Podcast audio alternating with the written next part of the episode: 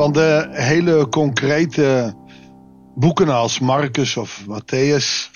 Of van de liturgische, melodieuze psalmen gaan we nu naar Leviticus. Het boek van de voorschriften. En daar moeten we een paar dingen goed bij bedenken. Het kan niet zo zijn dat we deze teksten letterlijk overnemen naar nu. Want ze zijn nogal cultureel bepaald. En het is zelfs zo dat de cultuur soms zo ver afstaat.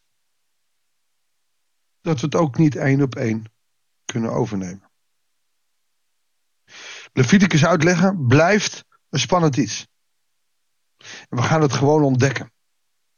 En naast dat de theologie er iets over vindt, vind ik er ook wat van. En willen we zo proberen ontdekken wat Leviticus wel niet aan rijkdommen heeft. Ook voor ons als moderne gelovigen. Goeiedag, hartelijk welkom bij een nieuwe uitzending van het Bijbels Dagboek. We lezen Leviticus 12, vers 1 tot en met 8. Het zijn de voorschriften omtrent de kraamvrouwen. De Heer zegt tegen Mozes, zegt tegen de Israëlieten, wanneer een vrouw een kind baart en het is een jongen, blijft ze zeven dagen onrein. Ze is dan op dezelfde manier onrein als tijdens een menstruatie. Op de achtste dag moet het kind besneden worden. Daarna duurt het nog 33 dagen voor ze rein is na haar bloeding bij de bevalling. Tijdens deze periode mag ze niets aanraken dat heilig is en mag ze het heiligdom niet binnengaan. Allereerst zijn dit voorschriften die wij niet kennen. En zijn ze nieuw. En klinken ze ook streng. Het is vrij veel wat je moet doen en een aantal dagen is vrij strikt. Is het om te weten dat de regels die God hier via Mozes aan het volk geeft, al een stuk lichter zijn dan de omliggende landen. Dus het is niet zo dat je, oh wat breed we gruwel. Nee, hij vereenvoudigt hier al wat hij in de omliggende landen ziet. Dus daar bleef je veel langer onrein. Een vrouw die menstrueert is een vies. In Israël noemen we dat niet vies, noemen we dat onrein. Maar je moet ook een andere gedachtegang meenemen. Dat lees je niet zozeer in de theologie, als dat vanuit bijvoorbeeld Marcus, vanuit Jezus, kan je zien en kan je ontdekken dat wat God doet met de vrouw ontzettend belangrijk is. Want wat is er mis? De vrouw die is er om seks te hebben, om schoon te maken en kinderen te baren. Dat is het doel van een vrouw. De man staat hoog, de vrouw heel laag. De vrouw heeft niks in te brengen, dan lege briefjes en alleen haar werk te doen. Als je een welgestelde vrouw was, zoals Sarah, de vrouw van Abraham, dan had je bijvoorbeeld als vrouw ook slaven die het werk kon laten doen. En toch was je niet de baas in huis, dat is de man. Had je niet zoveel in te brengen, nee, dat was de man. De vrouw werd dus toch wel een soort van heel ernstig onderdrukt. En dat is nou een van de redenen die je kan aanwijzen bij de uitleg van Leviticus. Is dat je op de achtergrond moet houden dat God de vrouw beschermt. Als een vrouw menstrueert, dan heeft de vrouw last. Buikpijn, krampen. En tegenwoordig kun je wat pijnstillers innemen, dan is het draaglijk paracetamol, ibuprofen of welke dan ook, waren er in die tijd niet. De vrouw had last. Maar daar had de man lak aan. Ik moet eten op tafel, dus je kunt gewoon koken. Kan me niet schelen dat je kramp hebt.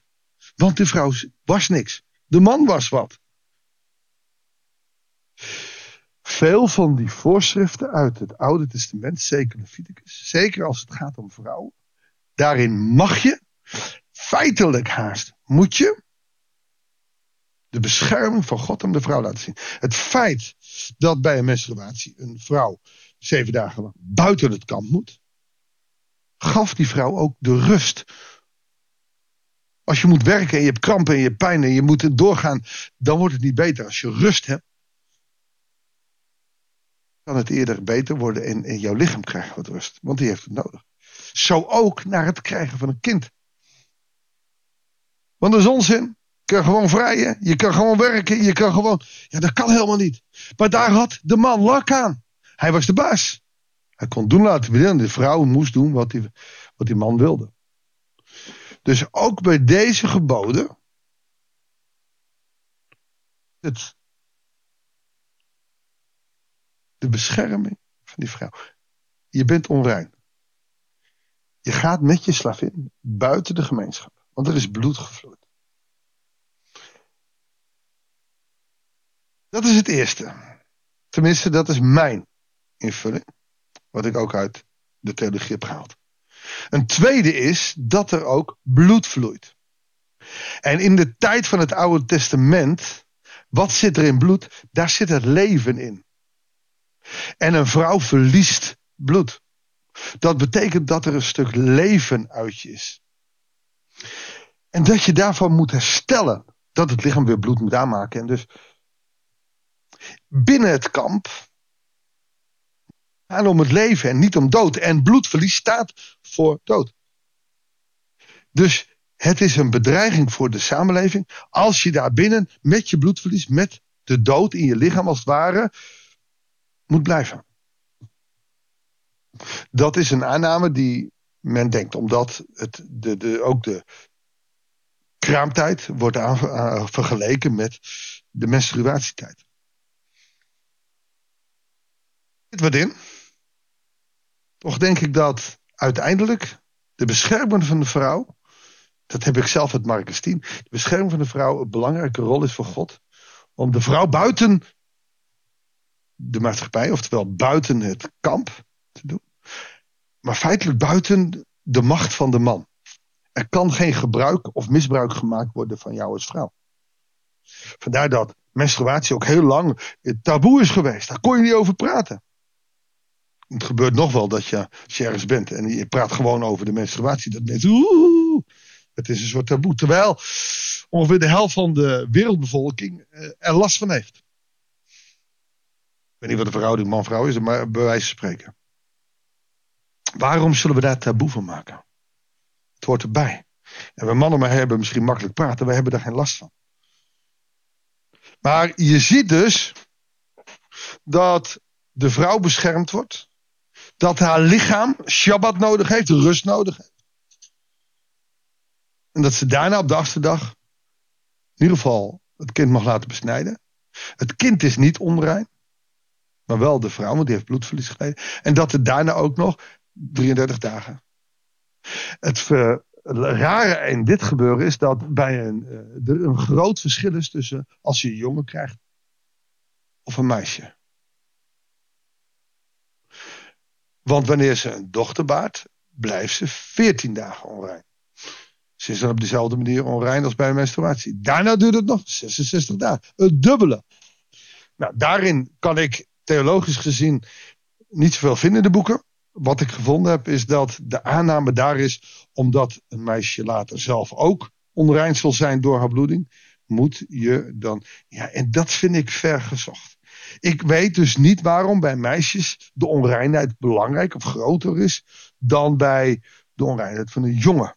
Zou dat zijn omdat een jongen sneller in die maatschappij moet worden opgenomen? Maar ja, in die eerste weken is het toch alleen maar een baby. Is dat symbolisch? De man is belangrijker, dus die wordt eerder weer teruggenomen. Nee, maar het gaat hier niet om een jongen of meisje, het gaat hier om de vrouw. Zou het zo zijn dat men denkt dat bij jongens een zwaardere bevalling is? Maar bij de meisjes moet ze weer langer. Het blijft koffiedik kijken. Je weet niet waarom dat is. Tenminste, ik heb het nog niet kunnen ontdekken. Belangrijkste vind ik in dit gedeelte dat God de vrouw beschermt. En misschien is dat ook wel nodig, zeker in die oud-testamentische tijd. Zullen we samen bidden? Heer, zo zien we dat door menselijke zorgproblemen en dingen die er zijn, als menstruatie, als zwangerschap, als dat u ook daarin zich mee bemoeit en dat u daarin ook de rust geeft voor de vrouw die ze nodig heeft om aan te sterken. Of het nou na een bevalling is of na een menstruatie. Heere God, die vrouwen die maken wat mee. En u weet dat. U heeft ze gemaakt. U weet dat als geen ander. Dat u rekening houdt met vrouwen. Al worden ze in sommige vertalingen dan de zwakke geslacht genoemd, Heere God. Wij mensen als mannen zouden die menstruatiepijnen en die bevallingspijnen niet aan kunnen. Het zou één voordeel hebben dat we misschien minder kinderen op aarde zouden zetten. Maar de vrouw is het sterk geslacht en ze moet ook veel verduren. Dank u wel dat u haar daar ook de rust voor geeft. Dank u wel dat, dat die rust die een vrouw nodig heeft, ook symbool staat voor de Shabbat die u ons geeft. En dat we als mannen ook mogen weten dat we af en toe de rust nodig hebben. Dat als we hard werken, dat we rust nodig hebben. Vrouwen lieten we de rust niet nemen in het Oude Testament, maar u droeg het op. Heer, wilt u zo de balans tussen man en vrouw, de zorg voor en ieder in ons hart geven. Dat we verstandig omgaan.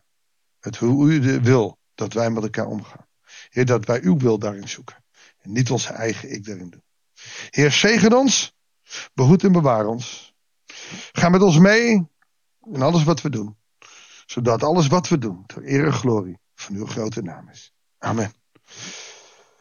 Dankjewel voor het luisteren. Ik wens je God zegen en heel graag tot de volgende uitzending van het Bijbelsdagboek.